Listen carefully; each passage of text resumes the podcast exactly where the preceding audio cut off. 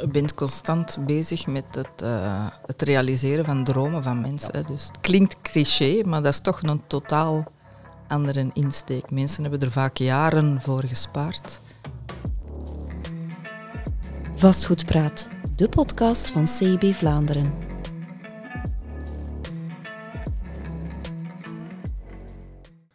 Welkom bij een nieuwe aflevering van Vastgoedpraat. Vandaag begeven we ons in Zuiderse sferen, want we trekken naar Spanje en Portugal voor een blik op de markt van buitenlands vastgoed. Het aantal Belgen dat een casa in Spanje koopt, breekt elk jaar weer nieuwe records. En ook de tweede verblijfsmarkt in Portugal komt steeds nadrukkelijker op zetten. Maar waarop moet je als koper letten bij de aankoop van zo'n buitenlands tweede verblijf? Vallen er vandaag nog koopjes te doen? Wij zijn Christophe Thijs en Ewout Hazenbos van CIB en vragen het aan onze twee buitenland specialisten. Marleen de Veit van Azul, gespecialiseerd in Spaans vastgoed. En voor een blik op de Portugese markt verwelkomen we graag Tim de Meijer van IMO Portugal. Goed, dus uh, Tim en Marleen, welkom. Uh, we gaan het eens hebben over een niche uh, binnen het vastgoed die bij sommige mensen misschien wel een vakantiegevoel uh, doet opwekken, maar uh, denk voor de bemiddelende makelaar toch vooral veel hard werk betekent.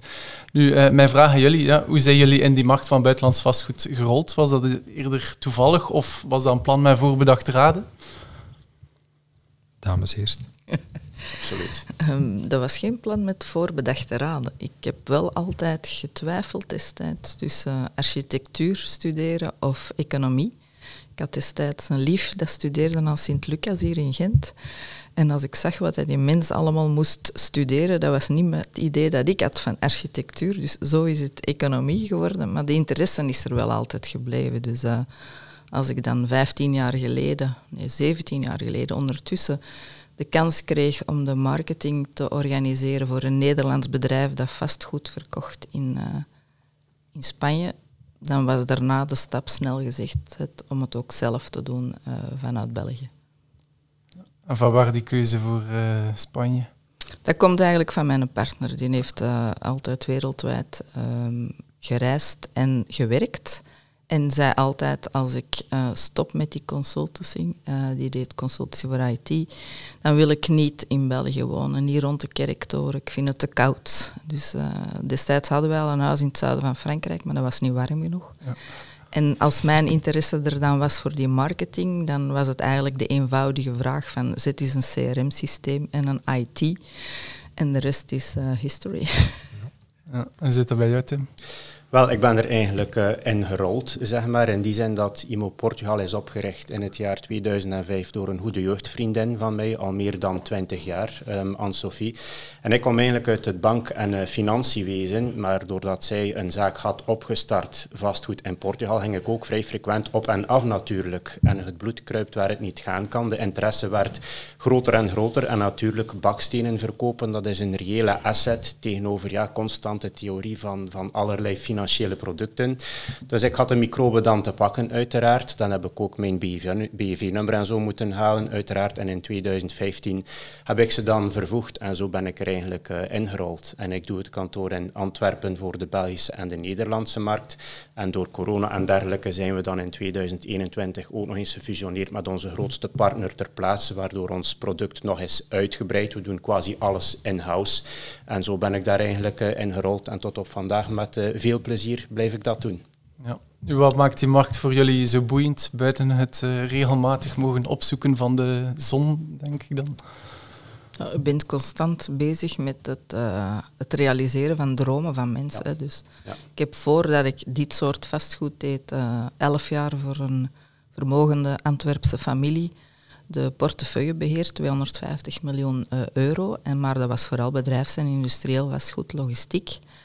Um, dan ben ik ook nog vrij actief geweest uh, in Nederland met uh, vastgoed, maar eigenlijk nooit geen residentieel gedaan in België. Maar dromen waarmaken, dat klinkt cliché, maar dat is toch een totaal andere insteek. Mensen hebben er vaak jaren voor gespaard. En dan nu is het zover en dan mogen we daaraan meewerken. En die mensen zijn ja, heel tevreden. Allee, wij gaan voor een tevreden klant. Jullie zien alleen maar gelukkige mensen. Ja, dat is wel zo. Ja, ja, ik treed Marleen daar volledig in bij. Sowieso is een, een vastgoedtransactie altijd belangrijk in iemands leven, maar als het er dan nog bij komt dat het in het buitenland is, ja, heeft dat net nog dat tikkeltje meer, zeg maar.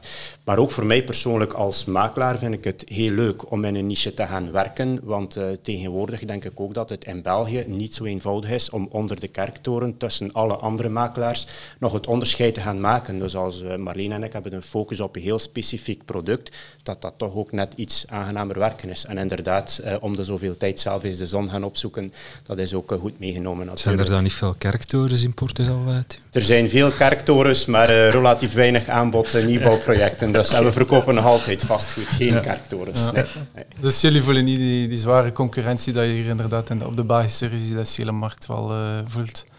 Dat wil ik niet zeggen. Spanje is een niet gereguleerde markt. 185.000 makelaars op een bevolking van 47 miljoen. Ik denk dat we in België aan 10.500 makelaars ja, ongeveer. 11.000 ja. 11.000 zitten op een 11 miljoen. In Madrid is er één makelaar voor elke 285 inwoners. Dus de concurrentie is moordend. hè. Uh, er is ook geen exclusiviteit. Dus je moet u, wij onderscheiden ons met de service dat we leveren. Maar dan moet je dus elke keer opnieuw aan die klant verkocht krijgen, die service. Want hij focust zich eerst op dat pand. Dus het is een echte uitdaging om daaruit uit te springen. Zeg, zeg probeer ons eens, eens mee te nemen hoe dat je zo buitenlands vastgoed, hoe dat je dat aan de man brengt. In België, ja, je boekt een bezoek in en, en ja. ja. je gaat een keer op een afgesproken uur. Maar ja, in het buitenland, Portugal, Spanje, is dat anders, denken wij dan. Wel, het is natuurlijk te zien hoe u werkt natuurlijk. Misschien nog kort even inpikken op, op wat Marleen zegt. In Portugal is de activiteit als makelaar wel gereglementeerd. Dus in België is er een BV-instituut.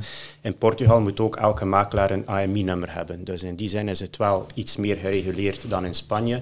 En speelt de concurrentie minder voor ons, omdat wij natuurlijk, natuurlijk focussen op die nieuwbouw. Dus wij nemen geen bestaande panden in portefeuille. De enige herverkopen die we doen, zijn de herverkopen van en voor onze eigen klanten. Omdat we de klant kennen, we kennen de reden waarom het wordt verkocht, we kennen de kwaliteit van het pand. En alles wat we doen qua nieuwbouw, bouwen we ofwel zelf met ons eigen bouwbedrijf, of hebben we wel die exclusiviteitsovereenkomsten met, met aannemers. Dus daar zit er misschien wel een klein verschil in van manier van werken. Hoe gaat dat in de praktijk? Um, wij zijn natuurlijk ook actief uh, op allerlei mediakanalen en dergelijke. Uh, klanten, we doen ook de second homebeurzen, waar Marleen ook stevast aanwezig is. Uh, klanten kunnen in Antwerpen een afspraak boeken om een eerste intake te hebben bij mij. Dat kan heel breed gaan. Wat zoeken ze precies? Het fiscale luik en dergelijke.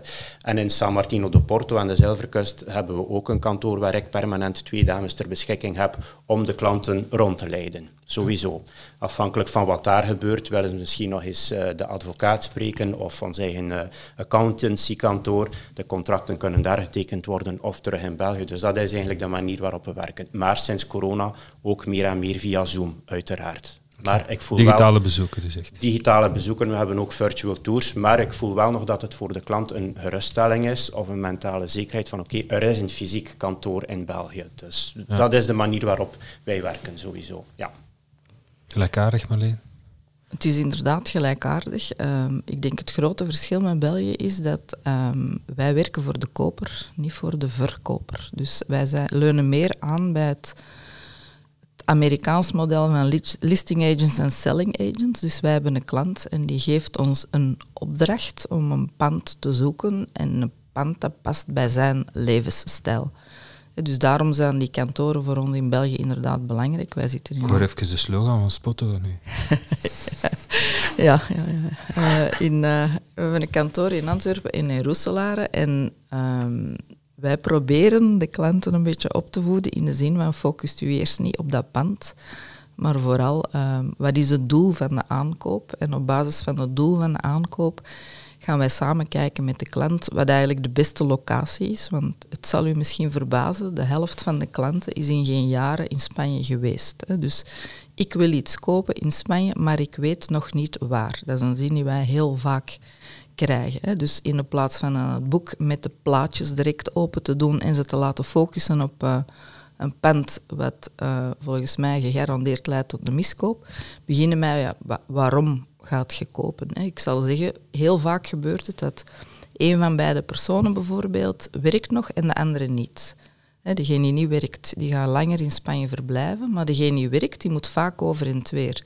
Dus ja, die wil dan redelijk licht, dicht bij een luchthaven zitten. Ik heb het ik doe het vaak zelf. Hè. Ik wil altijd van Antwerpen naar Corvera. Dat is in Antwerpen een kwartier van mijn deur en dat is in Spanje ook een kwartier van mijn deur. Als je natuurlijk op vakantie gaat drie weken, dan maakt dat niet uit dat je anderhalf uur van de luchthaven zit. Dus wij gaan eigenlijk eerst kijken met die klant, waarom koopt je? Hè? Um, en dan gaan we kijken van ja, wat is uw budget? Hè? Want op basis van waarom koopt je, kunnen wij wel de kosten vastleggen. Iemand die graag fietst en wandelt, ja, die gaan wij adviseren. Costa Blanca, Zuid, Murcia, dat is er glooiend, hellend. Je kunt makkelijk fietsen. Maar het moet ook nog passen binnen het budget. Hè. Iemand kan eerste lijn uh, in Marbella willen zitten met een budget van een miljoen. Sorry, doe het maal vijf en ik kan het pand vinden, maar anders niet. Dus we gaan eerst de ideale situatie in. Wat zou de ideale locatie voor u in Spanje zijn? En dan kijken van, past dat bij dat budget? En dan beginnen aanpassen eigenlijk. En dan komt het erop neer dat we een driedaags bezoek plannen aan Spanje, waarbij dat, dat ook weer een mix is van eerste bevestiging gaan zoeken van is die omgeving werkelijk iets voor die mensen. Nu, wij vergissen ons niet vaak, hè. wij doen dit 15 jaar, wij weten bij wie hè, wat past. En als, het, als echt de sky the limit is, als ze alles kunnen kopen, dan zeg ik gewoon van waar heeft u een appartement in België aan de kust? Hè? Of waar zou er een kopen? naar gelang van welke regio dat ze dan noemen, dan weet ik, ah, dat komt overeen met de regio in Spanje. Dan komen ze er, wij zijn met 19 mensen, 5 in België, 14 in Spanje. En al onze mensen die wonen en werken op de plaats waar ze de klanten begeleiden. Dus we geven evenveel aandacht als de omgeving. Um, je kunt wel zeggen, het strand is hier maar anderhalve kilometer. Maar hoe ziet die anderhalve kilometer eruit? Is dat recht naar beneden? Ja, dan gaat je dat waarschijnlijk niet te voet doen. Naar het strand gaan wel, maar terugkomen in 35 graden, dat lukt niet. Hè. Dus we gaan werkelijk van, kijk, dit is het punt. Hoe raakt je dan aan dat strand? Kunt je er met de fiets, de auto, uh, hoe gaat je er eigenlijk naartoe? Er zijn ook mensen met gezondheidsproblemen, komen wij heel vaak tegen. Dan is de nabijheid van een ziekenhuis belangrijk. Gaan we ook al naar dat ziekenhuis. En dat is allemaal gecomprimeerd in drie dagen. Maar we hebben er al zo'n zo groot traject vooraf op zitten, dat dat eigenlijk wel lukt in drie dagen. En dan kunnen ze ver, verder aan de wel af met een advocaat. Hè. Spanje, zoals ik er juist zei, geen licenties, dus wij hebben wel een derde rekening. Uh, maar niemand anders heeft dat. Dus de derde rekening van de advocaat of de, de rekening van de notaris is de enige veilige. Dus, en dan komt eigenlijk onze aftersalesploeg. Wij verkopen ook veel nieuwbouw, maar niet uitsluitend. Wij doen 80% uh, nieuwbouw. Er zijn nog altijd regio's, zoals uh, Marbella bijvoorbeeld, groot probleem met ruimtelijke ordening. Um, daar kun je bijna geen nieuwbouw hebben, zetten, omdat je geen zekerheid hebt of het er wel mag staan. Dus dan komt je automatisch bij bestaande panden uit. Um, Costa Blanca Noord, hetzelfde verhaal. Als je een mooie villa wilt hebben met zicht op zee, dicht bij zee. Ze zijn ooit begonnen met te bouwen aan zee en dan zijn ze verder op de berg gegaan. Dus ja, wilde dicht bij zee, zullen ofwel een oude moeten um, een oude moeten afslagen en een nieuwe zetten, of je moet een oude kopen en ze volledig renoveren. Dus eh, dat, heel dat verhaal, als het een nieuwbouw is, als het een, bestaand pand is, dan is dat eigenlijk zoals België. Dan, het papierwerk moet in orde zijn en dan gaan we naar de akte. Maar bij een nieuwbouw, ja, dan heb je een bouwproces van 18 maanden of soms twee jaar. Ook een groot verschil met België. In Spanje wordt de akte pas getekend als het gebouw er staat. Dus de klant verwacht van ons dat wij 18 maanden, twee jaar verder opvolgen, dat hij met al zijn vragen terechtkomt. En wij zeggen van, u bent klant voor het leven. Als hij daarna nog vragen heeft, reis veel, dat zal bij Tim ook niet anders zijn. je kunt niet op een vliegtuig stappen of daar zitten klanten op. Of ergens een lokaal in een restaurant ja, gaan eten of naar de supermarkt. Nee, nee inderdaad. Soms denk ik van, ik moet mijn goede tips niet meer zoveel delen, want ik kan niet meer rusten. niet dat die klanten niet welkom zijn, maar dat is toch anders. Hè. Als je een tijd dat uit wilt doen met je partner en het zit daar vol klanten, dat is wel een andere beleving, moet ik zeggen dus dat is de reis van onze klanten, drie dagen. Eigenlijk, eigenlijk, mijn volgende vraag is, ja, hoe verloopt een inkoop zo als buitenlands vastgoedmakelaar? Maar ja, dat inkoopverhaal, dat leeft dan, dat speelt dan niet bij jullie? Wel, bij, bij ons speelt dat wel in die zin. Uh, misschien ook nog kort even uitleggen bij ons hoe het, hoe het gaat een bezoek ter plaatse. Wij kunnen het iets squeezen in time. In die zin, uh, ik ben de rationele uitleggever in België, zeg maar. De mensen die de klanten rondleiden zijn allemaal ook lokale mensen. Dat is belangrijk. Ze leven daar, ze werken daar. Uh, maar wij kunnen eigenlijk in één dag onze verschillende locaties laten zien. Gewoon omdat we maar op een stukje kust van een veertigtal kilometer zitten. Maar Marleen heeft 100% gelijk. Zelfs op een beperkte regio is het heel divers qua aanvoelen en dergelijke meer. Um, de baai van San Martino do Porto is vooral voor gezinnen. Uh, de lagune van uh, Obidos en Foz do Arelho is vooral gekend bij kitesurfers. En Azaré is dan meer het authentieke Portugese vissersdorp. Dus het is inderdaad heel belangrijk om die oefening te maken met uw klant uh, ter plaatse. Nu wat inkoop betreft, ja, wij bouwen zelf via ons eigen bouwfirma. We hebben ook exclusiviteitsovereenkomsten met de grootste aannemers, vooral wat condominiums dan betreft, appartementsgebouwen. En herverkopen doen we enkel van en voor onze eigen klanten. Maar ons grootste probleem bij ons zit, en dat sluit aan bij wat Marleen zegt, is het, is het aanbod uh, juridisch rondkrijgen, zeg maar. In Portugal is er wel een kadaster, zijn er wel duidelijke contracten, maar bij ons zijn de lokale overheden gewoon heel streng om überhaupt nog vergunningen te geven om projecten te doen. Dus daar botsen wij eigenlijk een klein beetje op een muur.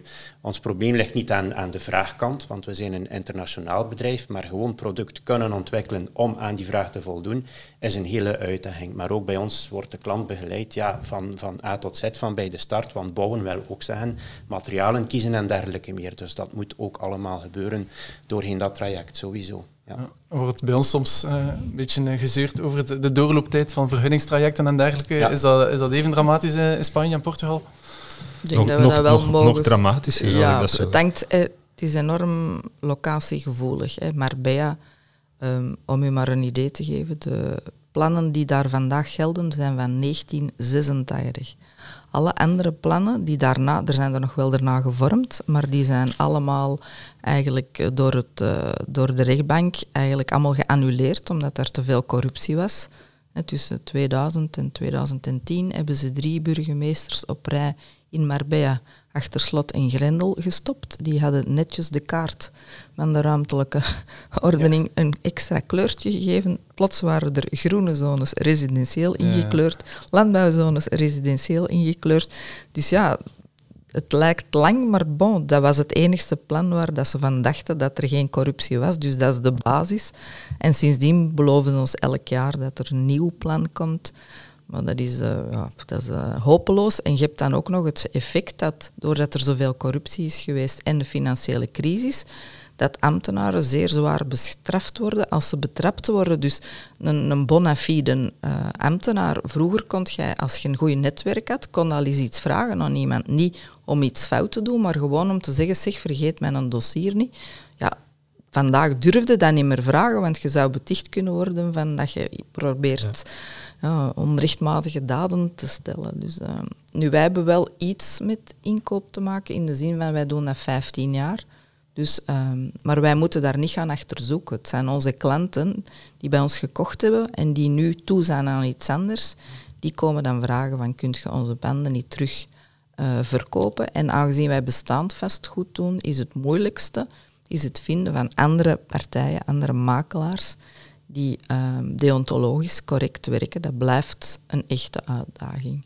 dat is eigenlijk een beetje ook mijn volgende vraag. Het cowboygehalte, wij horen wel wat geluiden, maar ja, wij zitten met een heel strenge reglementering in ons land. Ja, ik vermoed dat dat in Spanje, waarschijnlijk in Portugal iets meer al, omdat ik daar ja, straks hoor. Wetgeving op zich is er overal, maar zoals u zelf aangeeft, er lopen overal cowboys rond. Ook in België, Italië, ja. noem maar op. Uh, ik denk vooral dat, dat het zaak is, en dat kan een klant niet altijd weten, het is buitenlands recht, om naar de finesses van de contracten te kijken. Wij bijvoorbeeld kiezen ervoor om enkel projecten te lanceren als de architecturale plannen reeds zijn goedgekeurd door de gemeente.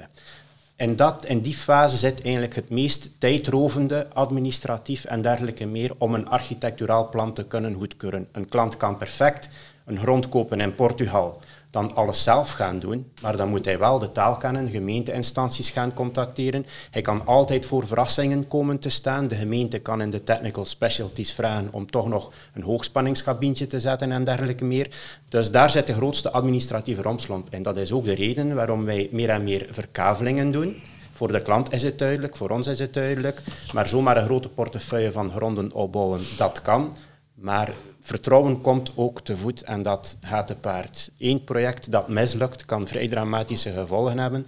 Dus soms lanceren we liever wat trager, maar wetende het is juridisch, technisch, bouwtechnisch ook allemaal rond, dan zomaar alles op, op de markt gaan gooien. Dat doen we niet. Nee. Zie je maar alleen uh, de Spaanse beenhouwer verkoopt die nog huizen? Spijtig genoeg wel, ja. er zijn, uh, Tussen de worsten. Ja, er zijn 17 autonome gewesten. Dus eh, een vraag die wij vaak krijgen, die mijn partner dan krijgt, van uh, mis je België niet? Uh, nee, want er zijn zeer weinig verschillen. Sinds Fabiola is een Belg zeer welkom in, in Spanje. We hebben een groot gedeeltelijk, allee, een, samen een verleden. Um, en Spanje heeft 17 autonome gewesten, dezelfde taalkwesties als uh, België, allemaal geen probleem. Die 17 autonome gewesten, daar zit ook nog een federaal niveau boven. Nu, Catalonië heeft ondertussen regelgeving al een heel aantal jaren, te vergelijken met BIV. Um, je moet een vorming 200, 240 uren doen. Uh, je moet een waarborgrekening hebben. Je moet een burgerlijke aansprakelijkheidsverzekering hebben. En het goede nieuws is dat vanaf 16 oktober van uh, eh, 2023, dit jaar, zal dat ook van toepassing zijn voor Comunitat de Valenciana. En daar valt Alicante onder de Costa Blanca. En uh, eh, 41% van de kopers, de Belgische kopers, kopen daar. Hè. Dus de helft van de kopers zal toch al bijna meer zekerheid krijgen over uh, met wie ze te maken hebben. Gaat ook dus een, een licentienummer hebben. Um, je zou je BIV-nummer moeten kunnen omzetten, maar momenteel lukt dat nog niet zo goed. je moet een Europese beroepskaart voor de makelaars die interesse hebben, een Europese beroepskaart aanvragen. Maar daar moet je dan aanvinken in welk land ben je gereglementeerd. En dat is in België. En dan moet je zeggen waar wil je uh, je vak uitoefenen. En dat is in Spanje. En dan zegt dat systeem, Spanje heeft geen regelgeving. Dus daar moet nog een kleine aanpassing gebeuren. Maar wij verwachten wel dat dan uh, het aantal makelaars, want het minste aantal makelaars per inwoner zit in, uh, aan de Costa Brava, dus Catalonië, dat dat ook wel het aantal makelaars zal uh, verminderen. En om terug op uw uh, makelaar-beenhouwers te komen, na de financiële crisis, hè, dan ehm, wilde iedereen wat bijverdienen. En dan zag je ieder, inderdaad in de etalage van de slager, zag je dan ook panden halen. Er was een boutique in Moreira waar ik regelmatig ging. Uh, eerst hadden ze kledij, dan hadden ze kledij en meubels. En dan in 2012 hadden ze kledij, meubels en uh, panden. Dat is een dus logische stap. Hè? Dat is een logische stap, ja. Dus ik denk, allee, dat soort toestanden, dat zal eigenlijk wel minder worden. Wij worden ook elk jaar bij een aantal klanten van ons die onze concurrent worden. Als wij gezorgd hebben dat het een smooth process was. Zij hebben niet gezien hoe hard dat wij gevochten hebben om die contracten evenwichtig te krijgen. Ze hebben ook niet gezien hoe vaak dat wij op die werf hebben gestaan uh, met de nodige opmerking. Ze hebben ook niet gezien bij de voorlopige oplevering hoe vaak, de, dat hebben ze misschien wel gezien, dat we die vaak hebben uitgesteld, omdat wij zeiden van ja, wij willen niet naar akte. Uh, er is een rode keuken besteld en er staat een witte in, haalt ze er maar uit. Dus, um, en dat soort toestanden, dat zal eigenlijk nu niet meer kunnen. Hè. Dus dat is al een groot deel. Dus Alicante is 41 procent, want ik was het even gaan opzoeken. Maar Costa Blanca is verwaarloosbaar. Dus ik hoop dat de volgende gewesten zo snel mogelijk uh, volgen. volgen ja. En dat dat dus- dan eigenlijk opgelost geraakt. Dus die rechtszekerheid voor de consument wordt wel meer en meer gewaarborgd. Um, maar dus ook als je met een bona fide makelaar werkt en dergelijke, uh, zijn er nog andere addertjes onder het gras waarop je moet letten als je een eh, stek in het buitenland koopt, fiscaal dan of wat dan ook? Er valt veel over fiscaliteit te zeggen natuurlijk, maar ik wil nog even inpikken op wat Marleen zegt. Wij worden daar ook mee geconfronteerd. Uiteraard klanten die dan denken van oké, wij weten hier allemaal hoe het werkt en dergelijke meer. Uh, iedereen ziet enkel de mooie kant van het vastgoed, ook een beetje door de programma's uh, waarmee we rond de oren worden geslagen in België. Het is alsof elke makelaar gewoon uh, met wat hippe kleren en een hippe auto een chique villa laat zien, commissie binnen, noem maar op. Het is keihard werken in de realiteit. ook vaak op zaterdag uh, op zondag. Maar goed, mensen voelen zich geroepen, ze denken het te kunnen, ja, tot er eens met een klant een serieus probleem is. Zoals een keuken die verkeerd is, of er iets misgelopen met de akte, of er ontbreekt plots een document. Dan is het natuurlijk een, een heel ander verhaal, zeg maar. Uh, maar goed, en ik denk partijen zoals Azul of Imo Portugal met een bepaalde trackrecord van letterlijk 15 of 20 jaar. Dat heeft toch al een bepaalde credibiliteit. Let goed op met wie u in zee gaat. En inderdaad, contracten moeten duidelijk zijn van bij de start. Ook in Portugal is er altijd een advocaat betrokken. Trouwens in de aankoop, omdat de notaris in Portugal ook niet te vergelijken is met de notaris in België wat betreft verantwoordelijkheden en aansprakelijkheden. Maar ook bij advocaten zijn er goede en zijn er minder goede. Soms hebben we klanten die afkomen met een advocaat uit Lissabon omdat ze daar al een bedrijf hebben. Het is niet omdat een advocaat gespecialiseerd is in uh, ondernemingsrecht dat hij een vastgoedspecialist is. Uh, maar goed, wat fiscaliteit betreft, ja, dat is een cursus op zich, uh, zeg maar. Wat ik wel weet, is er dat er tussen Portugal en België een dubbel belastingsverdrag is. En dat lost op zich al veel op. Wat we wel zien de laatste tijd, is, is dat we ook als, als bouwer, makelaar, meer en meer worden betrokken in de volledige vermogens-patrimoniumplanning van een klant. Gelukkig, hebben we ook een eigen boekhoudkantoor, want ik krijg meer en meer de vraag, uh, hoe zit het met de BTW in Portugal? Als ik een vennootschap opricht, kan ik die BTW gaan terugtrekken als de bouw en dergelijke meer? Dus er is zeker fiscaal wat te doen in Portugal.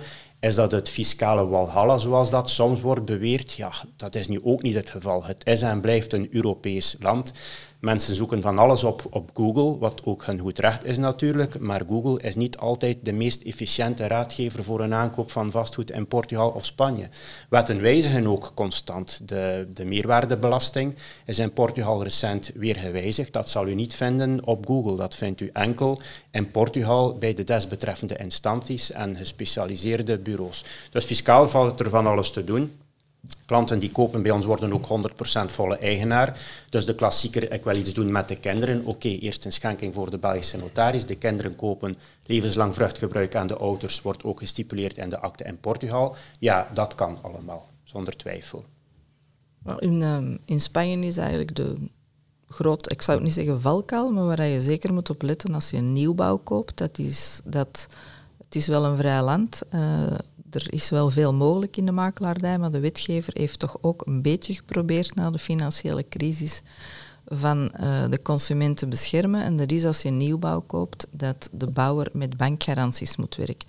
Beetje vergelijkbaar met de werkwet Breinen eigenlijk. Dus op het moment dat je van een plan verkoopt en je wil tussentijds schijven ontvangen, dan moet je die van een bank, dan moet die een bankgarantie krijgen. Dus hoe werkt dat eigenlijk? Een projectontwikkelaar die stapt naar een bank en die zegt van kijk, ik heb hier een project dat kost 20 miljoen.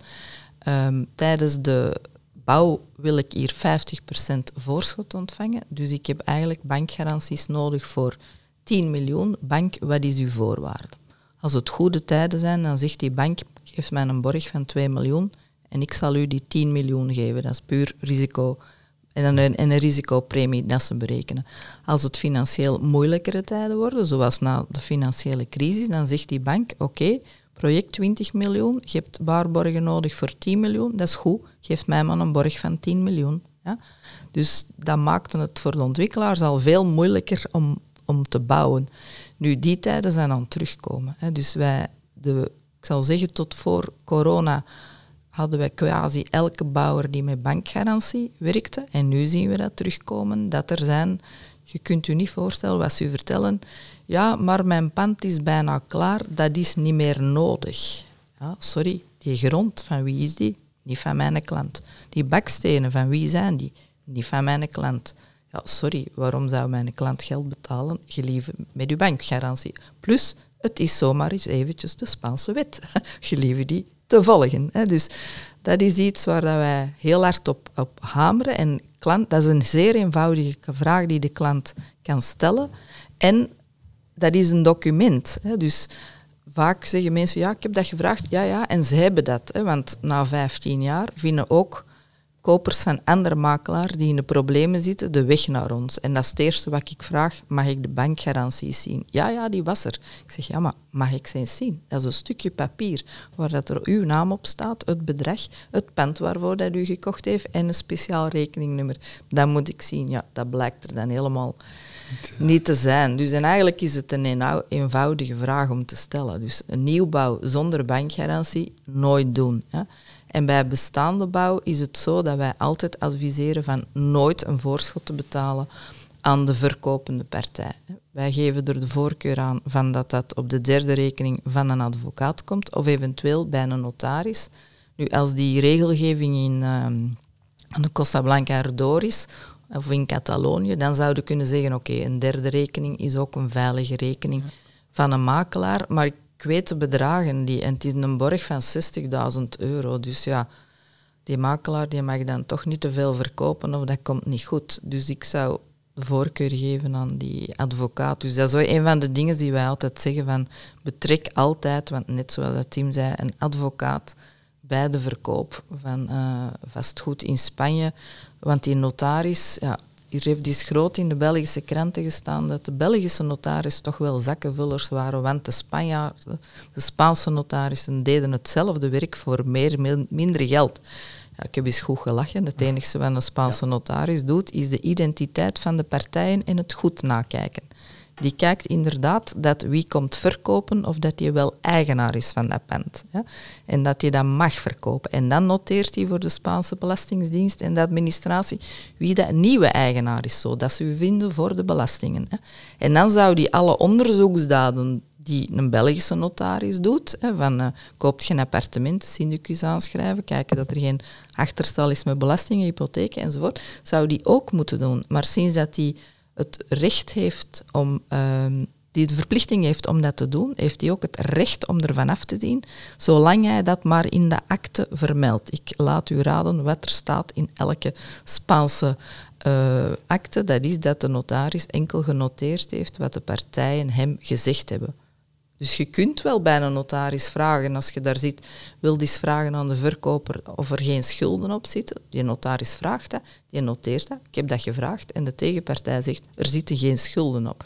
Maar de notaris is niet verantwoordelijk als dat achteraf toch zo blijkt te zijn. Dus die bankgarantie voor nieuwbouw en bij bestaand vastgoed nooit geen voorschot aan, uh, aan de verkoper, maar via een derde rekening laten uh, lopen. En dat altijd onder de controle van een advocaat, gespecialiseerd, want dat komen wij ook tegen. Ik koop een, een pand in uh, Alicante en ik neem een advocaat in Madrid. Dat is hetzelfde als in Vlaanderen niets kopen en een notaris nemen van Wallonië of zoiets. Dat is hetzelfde principe.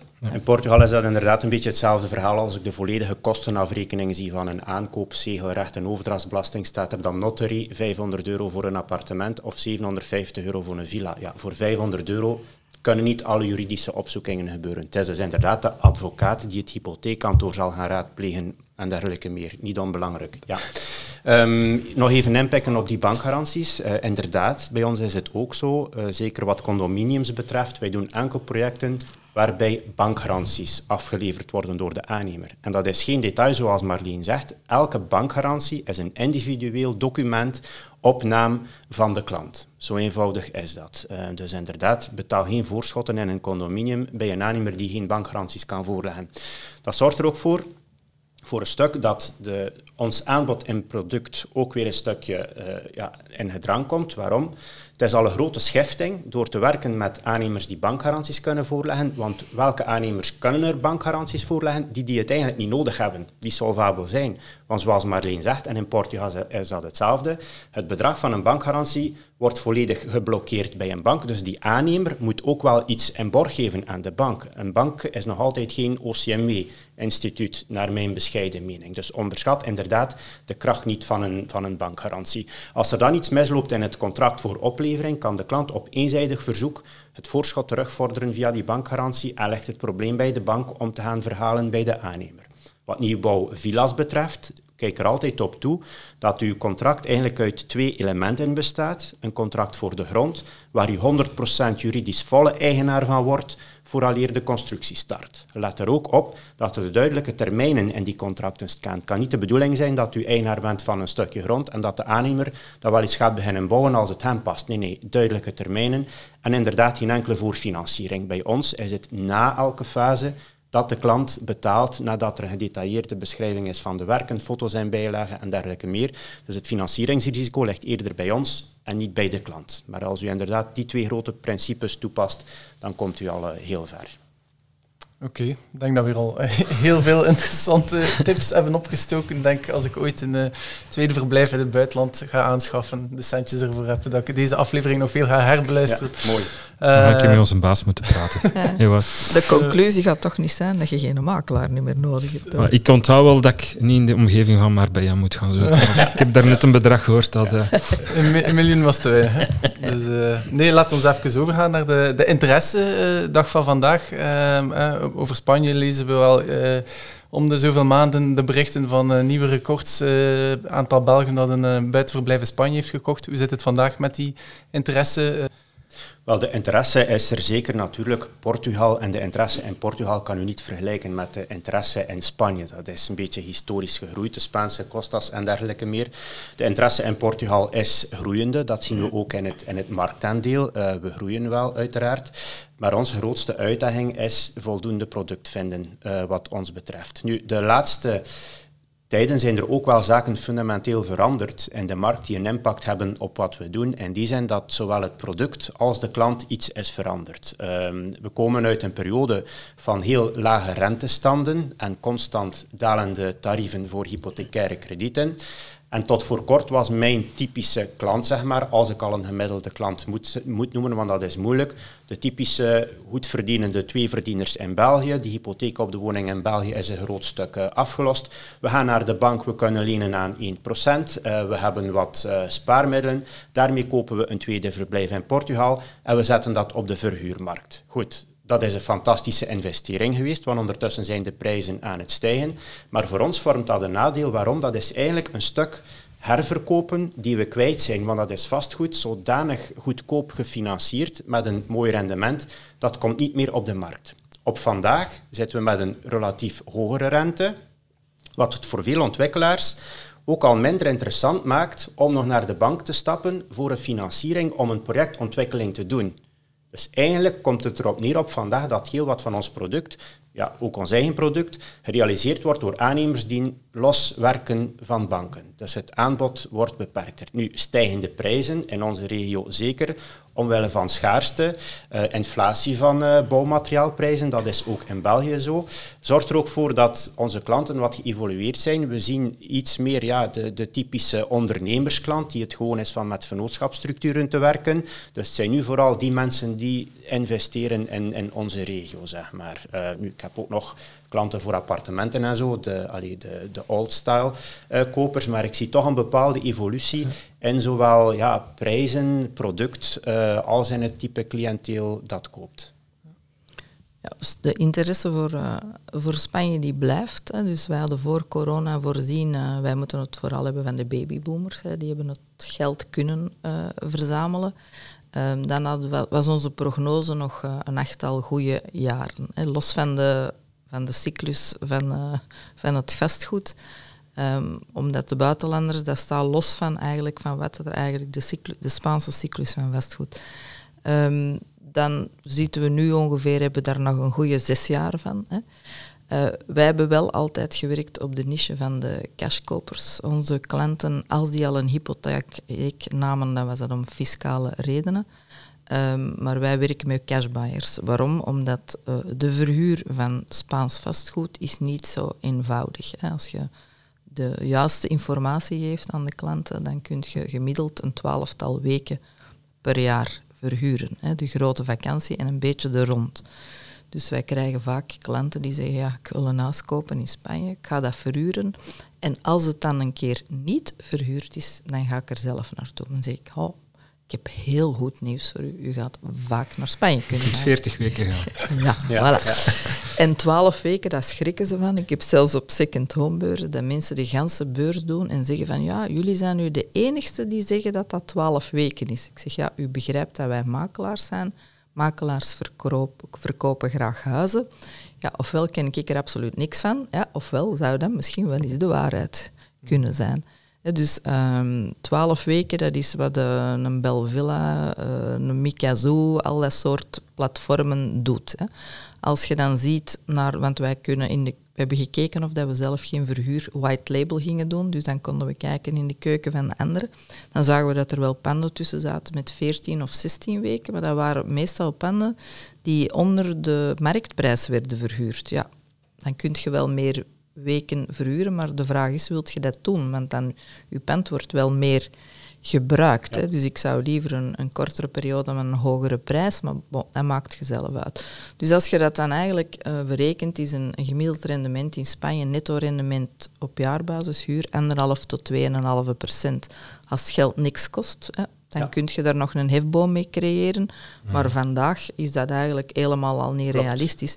Nu, wij hebben, dat is al 15 jaar dat wij datzelfde mantra vertellen, in Spanje moeten kopen, omdat je een passie hebt voor Spanje. Ja. Omdat je daar heel graag naartoe gaat, die cultuur, dat eten, die mensen. Je wilt daar elke keer opnieuw naartoe. En ja, verhuurt dat dan wat om je vaste kosten goed te maken. Als je in augustus verhuurt, heel de maand augustus verhuurt, dan zijn je vaste kosten, je zwembad kost ook geld, het hele jaar door uh, terugbetaald. En voor de rest is dat genieten. En hebben wij klanten die veel meer rendement hebben? Ja. Degene die gedurfd hebben van in de financiële crisis, hè, moet u, ik weet niet of dat je dat nog goed realiseert, de klanten in België stonden vol met foto's van verroeste kranen. Verhalen van mensen die in Spanje hun geld hadden verloren. Maar dat is zoals de aandelenmarkt. Hè. Als je op de bodem koopt, wint altijd. We hebben in Spanje nieuwbouw verkocht aan 4% BTW. Ja? Ik heb mensen die voor corona nu gekocht hebben en die nu terug willen verkopen. Ja, bovenop de aankoop moeten ongeveer een 14%, tussen de 11 en de 14% hangt af BTW of registratie, uh, betalen, die hebben dat nu al terugverdiend. Ja, waarom? Omdat die nieuwbouw nu zo snel naar boven gestegen is. Ja, er is ook geen aanbod. Wij moeten alles van een plan verkopen, want de logistieke stroom is wat uh, opgeschort. Ehm, de, een aantal ontwikkelaars zijn, hebben fases terug uit de markt gehaald en een beetje kat uit de boom gekeken. Allee, om u dat maar allemaal te zeggen. Maar dat is een dat is een niche waar Azul op werkt. Ik ben er zeker van, mijn collega's die werken al 15 jaar in uw model van ja, koop dan, ga verhuren. En de slachtoffers daarvan zien wij, krijgen wij vaak. Hè. Mensen die iets gekocht hebben, veel te veel gefinancierd, volledig gerekend op die, uh, op die huurinkomsten en die komen dan niet. Hè. Ik had een, uh, een journalist van de tijd belde mij, denk, oh, krijg een artikel in de tijd. Nee, bleek dat uh, iemand kende die in de problemen zaten of Azul er niet eventjes wilde naar kijken. Ja, die mevrouw die zat tot over haar oren beleend en dat rendement, die huur, dat kwam niet. Dat zijn drama's, hè. maar hand op het hart, vandaag kun je 100% zeker kopen in Spanje zonder je geld verliezen en je kunt rendement halen als je realistische verwachtingen hebt. En als je het zelf doet, kun je er meer rendement uithalen. Hè. We hebben Iemand die is eh, voorzitter van de basketbalploeg. Ik denk dat alle leden is om de beurt op vakantie komen. We hebben iemand die pro van de mannen is op een golfclub in België. Ik denk dat ook heel die golfclub wel eens passeert. We hebben, want dat ziet je meer. Je begint af en toe jongere kopers te hebben. Uh, twee zussen, geld geërfd van de oma. In de plaats van het in hun huis in België te investeren, hebben die samen iets gekocht. Je kunt je Instagram niet open doen, of dat is altijd mooie plaatjes. Maar dat, is, dat is bijna altijd verhuurd. Hè. Maar die mensen doen het zelf. Dus ik heb klanten die 4 en 5 procent. Maar de meeste klanten bij ons, die willen ontzorgd worden. Dan moet je in handen van een verhuurkantoor. Ze willen daar niks mee te maken hebben. Gemiddeld na twee jaar stoppen de klanten met verhuren. Want ze vinden het sop de kool niet waard. Ze, ze hebben het geld niet echt nodig. En je kunt je pand ook niet inrichten. Hè. Eh, je steekt veel geld. Ik zeg altijd van, steek meer geld in uw meubilair op het terras dan binnen, want dat gaat er meer gebruiken. En u vindt de witte kussens fantastisch. Hè. En u zegt, zegt tegen uw kinderen van, ah, met de voetjes van de zetel, ja, maar uw huurder doet dat niet altijd. Dus je moet ook je pand aanpassen. En als je dan zegt, ja, ik heb het geld niet echt nodig. En dan toevallig die keer dat ik wil gaan, is dan weer verhuurd.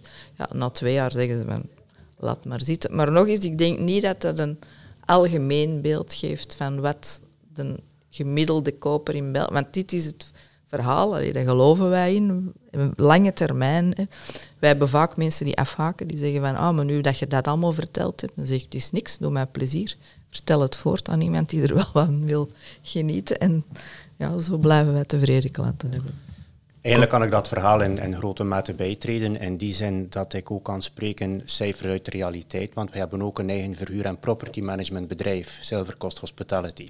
En inderdaad, als we daar gemiddelde moeten doortrekken, zien we 12 tot 14 weken echt pieken in seizoensverhuur. Het meest ideale voor een klant is natuurlijk dat hij alle vakanties kan verhuren en zelf kan gaan buiten het seizoen. Dat is het meest ideale scenario. Er is rendement te halen, maar inderdaad, als het te mooi klinkt om waar te zijn, is het meestal ook de mooi. Uh, soms zien wij ook op second home beurzen grote affiches gegarandeerd 7,5 of 10 procent rendement. Mocht ik vandaag een manier vinden om zorgenvrij 10 procent rendement te halen op mijn vermogen, dan zat ik hier niet.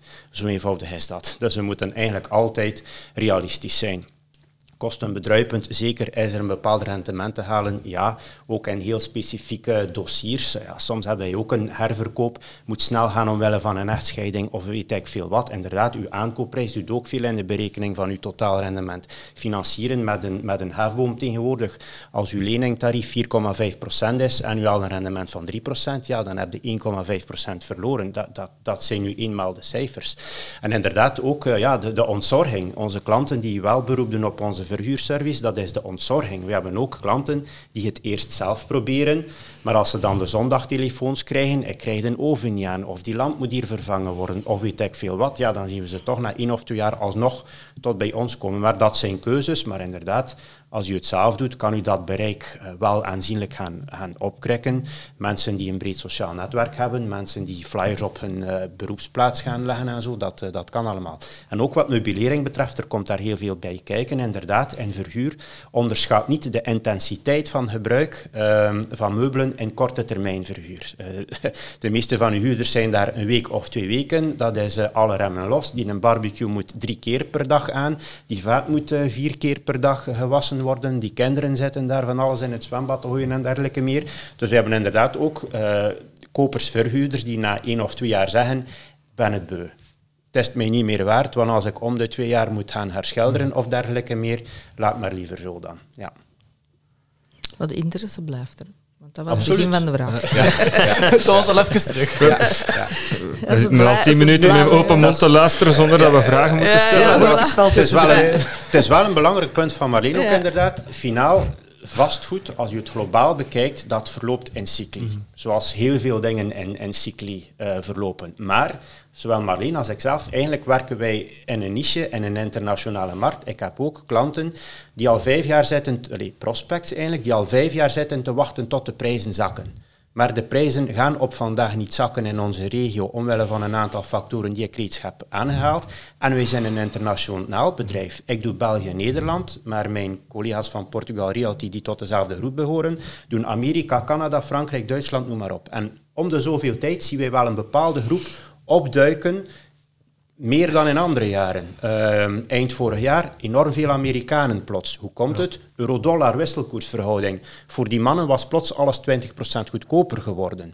Portugal wordt ook een beetje aanzien als het Florida van Europa. Stijging van verkopen. Drie jaar geleden politieke onrust in Zuid-Afrika. Plots mensen uit Zuid-Afrika. Vorig jaar ook een aantal Polen, zoals Marleen aangeeft. Dus het is een markt met een relatief beperkt product, maar met een relatief ja, grote interesse wereldwijd. Dus op zich hoeven er niet zoveel aankopen per land plaats te vinden om tot een relatief mooi omzetcijfer te komen. U kan dat niet vergelijken met de verkoop van, van lokale panden en dergelijke meer. Dat is totaal, totaal een andere markt. Ja. ja. Zit het bij jou met de nationaliteiten onder de kopers? Uh, wij zijn uh, eigenlijk, waren wij origineel gefocust op iedereen die Nederlands en Franstalig is. Dus voor ons doet de nationaliteit er niet toe. Dus wij verkopen ook aan een Zuid-Afrikaan die Nederlands uh, spreekt, een Zwitser die Frans spreekt. Um, nu, we hebben nog altijd een grote hoeveelheid Belgen en Nederlanders. Ja, ook, het is toch altijd nog een 45 à 50 procent om het te duiden van alle verkopen, ook omdat we vanuit hier ons uh, zwaartepunt van marketing en dergelijke leggen natuurlijk. Ja. Het is zo dat 15 jaar geleden waren de, kochten er meer Nederlanders, 900 Nederlanders, 600 Belgen. Daarmee moesten we toen 15 jaar geleden. Um, ja, de, uh, de Nederlandse vastgoedmarkt is helemaal niet zo stabiel. Hè. De Belgen denken dat de sky is the limit, de prijs gaat alleen omhoog en nooit omlaag. Hè. Uh, Nederlanders die weten wel beter, maar dat heeft ook zijn gevolgen. Als de Nederlandse markt uh, op slot zit, dan heb je geen Nederlandse kopers, want die kopen uit de overwaarde van hun huis. Ja. Als de huizen in Nederland onder water staan, en dat is uh, niet letterlijk, dat is figuurlijk, dat wil zeggen de hypotheek is hoger dan de waarde van het pand, dan hebben wij geen transacties in Spanje. Nu, de Nederlanders hebben er een aantal hele goede jaren op zitten, bijna 17, 18 procent prijsstijgingen. Dus plots zijn die, die een serieuze inhaalbeweging aan het doen uh, ten opzichte van de Belgen. België is eigenlijk, uh, nu vorig jaar was een topjaar, maar je moet dat, als je dat samen met corona telt, is het een kleine plus. Dus als je 2021, om u een idee te geven, in 20 hebben wij maar vijf maanden kunnen werken, de rest mochten de mensen niet reizen. 21, zeven maanden. Dus we hebben eigenlijk een volledig jaar verloren. Dus het mocht wel een goed jaar zijn. Vorig jaar. En wij zitten inderdaad ook sinds juli uh, vorig jaar op de Poolse markt. Hè. Dus uh, enerzijds omwille van de brexit, veel Polen met een, uh, een bedrijf in uh, Groot-Brittannië willen terug op het Europese vasteland. En ja, ze willen allemaal niet terug naar Polen. Dus uh, Spanje, mooi weer. Hè. Uh, Polen is een continentaal klimaat, heel koude winters. Dus ze willen de zon zien. Polen kopen alleen maar panden met zeezicht. Ik weet niet of dat de ervaring met Tim is. Ja, niet de moeite wel, ja. van een ander Nee. pand te laten zien. En kom niet af met zijdelingszeezicht, niks van. Frontaal zeezicht of uh, ze moeten het niet. Um, ja, ook omwille van het, uh, de inval in uh, Oekraïne. Je zit nog met een hele generatie Polen die het communisme aan de lijven heeft ondervonden. Dus die willen eigenlijk een safe hebben. En er komt ook nog eens bij hun slotty. Ze zitten niet in de euro. Die is in uh, vrije val bijna. Dus die willen zo snel mogelijk met hun, met hun geld in, in bakstenen. Ja. Het zijn inderdaad de begoede Polen, maar zijn, onderschat dat niet. Ik ben het nu even kwijt, maar ik denk dat die toch ook ongeveer 45 miljoen inwoners hebben. Hè. Dus als je daar een klein percentage Ja, nog klopt. maar van neemt, dat is al massaal veel, uh, die kan kopen in Spanje. Dus het komt er ook op aan, vind ik als bedrijf, maar dat vind ik in België niet anders, dat je moet flexibel zijn. Hè. Als wij altijd alleen maar op die Nederlandse markt blijven zitten, dat was onze grootste markt toen we startten, ja, dan hadden we het niet overleefd. Dan hebben we de Belgen erbij genomen. Wij moeten heel de tijd eigenlijk onze marketing... Uh, aanpassen. Het is een heel internationaal uh, gegeven. De Zweden bijvoorbeeld, die zien we nu absoluut niet meer in Spanje. Ook die hebben een zeer, uh, een zeer vola volatiele uh, vastgoedmarkt. Die gaat heel snel omhoog, maar ook heel snel naar beneden. Die zitten vandaag aan min 20 procent. Ja, die, die zitten dan ook, in de ja, voilà, die zitten dan ook nog... Ik heb de krant nog niet gelezen, maar weet, ik weet Parate ook van de, kennis bij jou, maar... ja, van de projectontwikkelaars geen zweet niet meer te zien. Uh, op die 15 jaar is dat eigenlijk al de derde keer. Want dat is, uh, elke keer als hun eigen markt omhoog gaat, komen, komen die kopen. En dan hangt het ook nog eens af van de Zweedse kronen. Als die devalueert, ik weet projectontwikkelaars, grote ontwikkelaars die een product hadden ontwikkeld aan, uh, in Ben Almadena, dat is in de buurt van uh, Marbella. En uh, die zijn beginnen met hun producten aan te passen, omdat ze die Zweden niet meer konden aantrekken. Dus die zijn eigenlijk begonnen met ook kleinere modellen van appartementen. Eigenlijk de, de daling van de Zweedse kronen, ja, dat is in vierkante meters van dat pand gegaan, om toch maar te kunnen blijven uh, verkopen. Dus nu, de Costa del Sol is veel internationaler dan, uh, dan de Costa Blanca bijvoorbeeld. De Costa Blanca, daar hebben we wel veel buitenlanders, maar het aantal nationaliteiten is beperkt. Aan de Costa del Sol zitten wij met 155 verschillende nationaliteiten. Dus in die kantoren ook. Uh, wij hebben ook Poolse medewerkers. Ik kan u zeggen, qua marketing, dat is een dobber. Hè. Uh, ja, eerst moeten proberen te doorgronden hoe dat die mensen willen aangesproken worden. Nu, ze lijken qua type heel erg op een Belg eigenlijk. Vlij, ja. gereserveerd, heel voorzichtig. Um, stellen heel veel heel vragen. Um, zullen ook in een pand niet direct ja, duidelijk aangeven van vind ik het hier iets of niet. Je moet het er allemaal uitsleuren. Dus dat, dat, dat lijkt heel erg... Maar alleen panden met zeezicht eigenlijk laten zien. Dus als bedrijf, ja, wij passen ons daaraan. Anders kun je eigenlijk ook niet groeien. Hè. Ja. Dus wij kunnen alleen maar groeien door extra gebieden in Spanje erbij te nemen. En dan moeten we daar de juiste partners voor vinden. Mm -hmm. En dat, dat, dat belemmert altijd de groei van ons bedrijf. Dat is op tijd de juiste mensen binnenkrijgen. Ik moet u niet vertellen, het gaat over veel geld. Ja. We hebben eens heel toevallig hadden we een vacature aan uh, Costa del Sol. En de tijd belt ons. Ah, die hadden dat gezien en zeggen, ja, wij willen zo van die, van die leuke jobs in de kijker zetten. Ik kan u zeggen, nooit meer. Hè. Er is een artikel verschenen, we hebben 500 sollicitanten gekregen. Motivatie, ja, dat lijkt mij wel iets rondrijden met een klant in mooi weer. En ze de streek laten zien. Cliché. Sorry jongens, het, is opnieuw, kei hard werken. de klant spreekt de taal niet, hij doet voor u, hij doet beroep op u voor alles. En na de akte of na de, het verkoopscontract, dan begint voor ons het werk nog maar. Hè. Dus ik geef als tip mee aan de klant, ja, ondertussen zegt elke makelaar dat hem begeleidt van A tot Z. Dan zeg ik, ja, vraag eens waar dat die Z ligt. Is dat de Z van zet uw handtekening en ziet je ze dan nooit meer? Ja, dan is het vele werk. Dat zeggen mensen mij ook achteraf. Maar ja, ik heb dat gezien, van, ja, wat dat er allemaal bij komt. Ik had dat wel onderschat. Was ik blij dat jullie er waren, maar ja. Is inderdaad ja, een, een, uitdaging, ook voor ons. We zitten dan nog met, met verschillende bedrijven, een eigen property management verhuur, constructie, meubilair. En de juiste mensen vinden is ook voor ons een hele uitdaging. Ook in het zomerseizoen, uh, zomerverhuur. Alles piekt natuurlijk in twee, drie maanden. Dus er moet van alles gepoetst worden, gewassen worden. Onderschat dat allemaal niet natuurlijk. Uh, en ook inderdaad, qua cliënteel zijn wij ook heel divers. En we hebben niet alles in de hand. Maar Nederland bijvoorbeeld, inderdaad, veel van die hypotheken beginnen onder water te komen.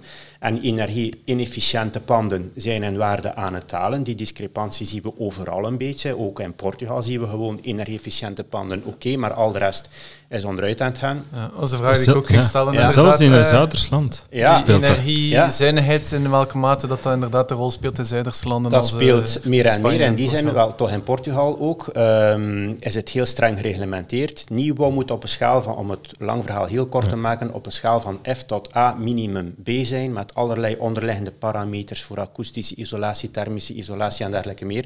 Maar in de praktijk is het eigenlijk altijd een A. Het komt er gewoon op neer welk uh, klimatisatiesysteem ga ik, ga in mijn woning hangen. Dus ook in Portugal is dat heel belangrijk. Soms vind ik persoonlijk zelfs dat het een beetje heel ver gaat, want heel wat van die regelgeving wordt eigenlijk vanuit Europa ontworpen en opgelegd voor landen die meer noordelijk gelegen zijn. En dan wordt dat copy-paste gedaan naar die Zuiderse landen. Ja, is dat altijd nodig? Ja, in mijn optiek niet. Goed, maar de regelgeving is wat ze is. En in Portugal worden die normen ook om de vijf jaar herzien. En in een energieprestatiecertificaat staat ook altijd een datum op van het jaar waarop dat het origineel was, uh, was gezet, zeg maar. Ja. Ik denk dat we stil aan de slotvragen naderen, Christophe. Ik zie dat we ook uh, het uur naderen. Ik denk dat we, we op de, onze de, de recordopname achter de rug, zonder dat we veel vragen moeten stellen. In voorbereiding zeggen we altijd, ja, gaan we een half uur halen, gaan we ook 40 oh, minuten We kunnen hier een week zetten, hoor. Dat is, we zitten met twee uh, fervente ja. babbelaars. Ja, ja. Waarvoor dank. Dus ja. maakt het ja, onze afsluiter is altijd, hebben jullie een fijne anekdote uit jullie beroepsomgeving die jullie willen meegeven met de luisteraars? Maar als ik jullie zo bezig heb gehoord, gaat die er ongetwijfeld komen. Ja, ik heb, bij ons is het zo dat wij heel vaak ook uh, biechtvader en uh, vertrouwenspersoon zijn. Um, veel mensen kopen ook of nemen de daadwerkelijke actie omdat er iets negatiefs is in hun leven. Ze hebben altijd wel plannen voor later, later. En dan in hun omgeving overlijdt er iemand of, of er, er is toch iemand die een ernstige uh, handicap heeft en zeggen, ja, later, daar gaan we niet meer op wachten, later is nu, we gaan dat nu doen. En dat zien we ook in die, in die, in die koppels. Wij krijgen heel veel koppels die komen. Uh, die zitten niet altijd op dezelfde lijn. Hè. En wij hebben al geleerd als makelaar dat je je daar vooral niet moet uh, mee moeien. Maar dat dat ook wel heel uh, grappige dingen geeft. Van uh, de eerste sanitaire stop die je dan doet, dan stapt die man uit en dan zegt die vrouw, ik weet al lang wat ik wil, maar mijn man die kan niet beslissen. En als je dan met de volgende pitstop het tegenovergestelde krijgt, dan zegt, die, dan zegt die man, ik weet al lang, maar mijn vrouw die kan niet beslissen. Soms zien wij ook dingen dat wij vragen van, hm, is die een mens nog wel gehecht aan zijn vrouw? We hebben zo een appartement verkocht, penthouse, twintigste verdiep. Fantastisch zicht. Mevrouw durfde zelfs nog niet tot op een meter van de reling komen, glazen balustrade, want ze had hoogtevrees. Uh, wij dachten, ja, dat wordt hier niks. En de volgende dag werd er bevestigd dat het pand gekocht werd. En eens dat dan ingericht werd en we werden uitgenodigd, dan zagen we dat het niet meer de dame was die hoogtevrees was, die het pand aan het inrichten was. Dus ja, dat gebeurt wel. Ik denk dat dat, ja, bij ons is dat ook zo. Het is eigenlijk ongelooflijk hoe mensen soms vaak in een eerste gesprek hun leven volledig open en blootleggen, zowel financieel, emotioneel en dergelijke meer. En dan, zien we inderdaad ook zaken gebeuren waar we heel discreet moeten over blijven, natuurlijk. Maar ik kan mij enkel aansluiten bij wat, bij wat Marleen vertelt. Ik zou anekdotes kunnen vertellen die niet echt voor publicatie vatbaar zijn. Maar goed, dat maakt het ook voor een stukje boeiend natuurlijk. Maar soms helpen we ook echt mensen vooruit in het leven. Ik was tijdens de coronaperiode bijvoorbeeld al een tijdje met iemand in gesprek die ook zo wat, ja, wat privéproblemen en dergelijke. Dan komt die coronacrisis er nog eens bovenop, dus totaal en dergelijke meer. En uiteindelijk, na virtuele meetings, virtuele rondleidingen en Zoom, heeft die mens dan uiteindelijk beslist om digitaal een contract te tekenen voor een aankoop in Portugal. Een gigantische stap uh, voor die mens uiteraard. Pas na een jaar eigenlijk ter plaatse kunnen gaan. En op vandaag is die mens mij nog altijd eeuwig dankbaar. Hij zit aan zijn derde pand ondertussen gekocht bij ons. Ons beste uh, wandelende reclame, zeg maar. Dus dat geeft dan ook wel een bepaalde fierheid van oké, kijk, we hebben mensen een duwtje moeten geven, niet negatief bedoeld, om ze inderdaad weer op een goed positief traject uh, te kunnen krijgen. Dan maakt het wel leuk natuurlijk. Maar het is niet allemaal roze geur en maneschijn, voor alle duidelijkheid. Ja. Allee, wij onthouden vooral uh, dat uh, het buitenlands vastgoed als relationele reddingsboei dan wel duikboot kan gebruikt worden. Soms zeggen we het ook onder collega's van oké, we, we, herkennen de signalen natuurlijk wel na x jaar ervaring. Als ze binnenkomen, we zien een koppel, hoe ze handelen of zo. Het is waarschijnlijk een poging om iets te redden in de relatie. En waarschijnlijk hebben we binnen twee jaar een herverkoop. En meestal is die herverkoop dan ook. Ja. Marleen, Tim, enorm bedankt voor jullie boeiende inkijk. Uh, en uh, wie weet zien we elkaar binnen een paar jaar nog eens terug uh, om over Portugal en Spanje verder te praten. Bedankt. Graag gedaan. Dank je wel. Tot ziens. Bedankt. Bye bye. Ja.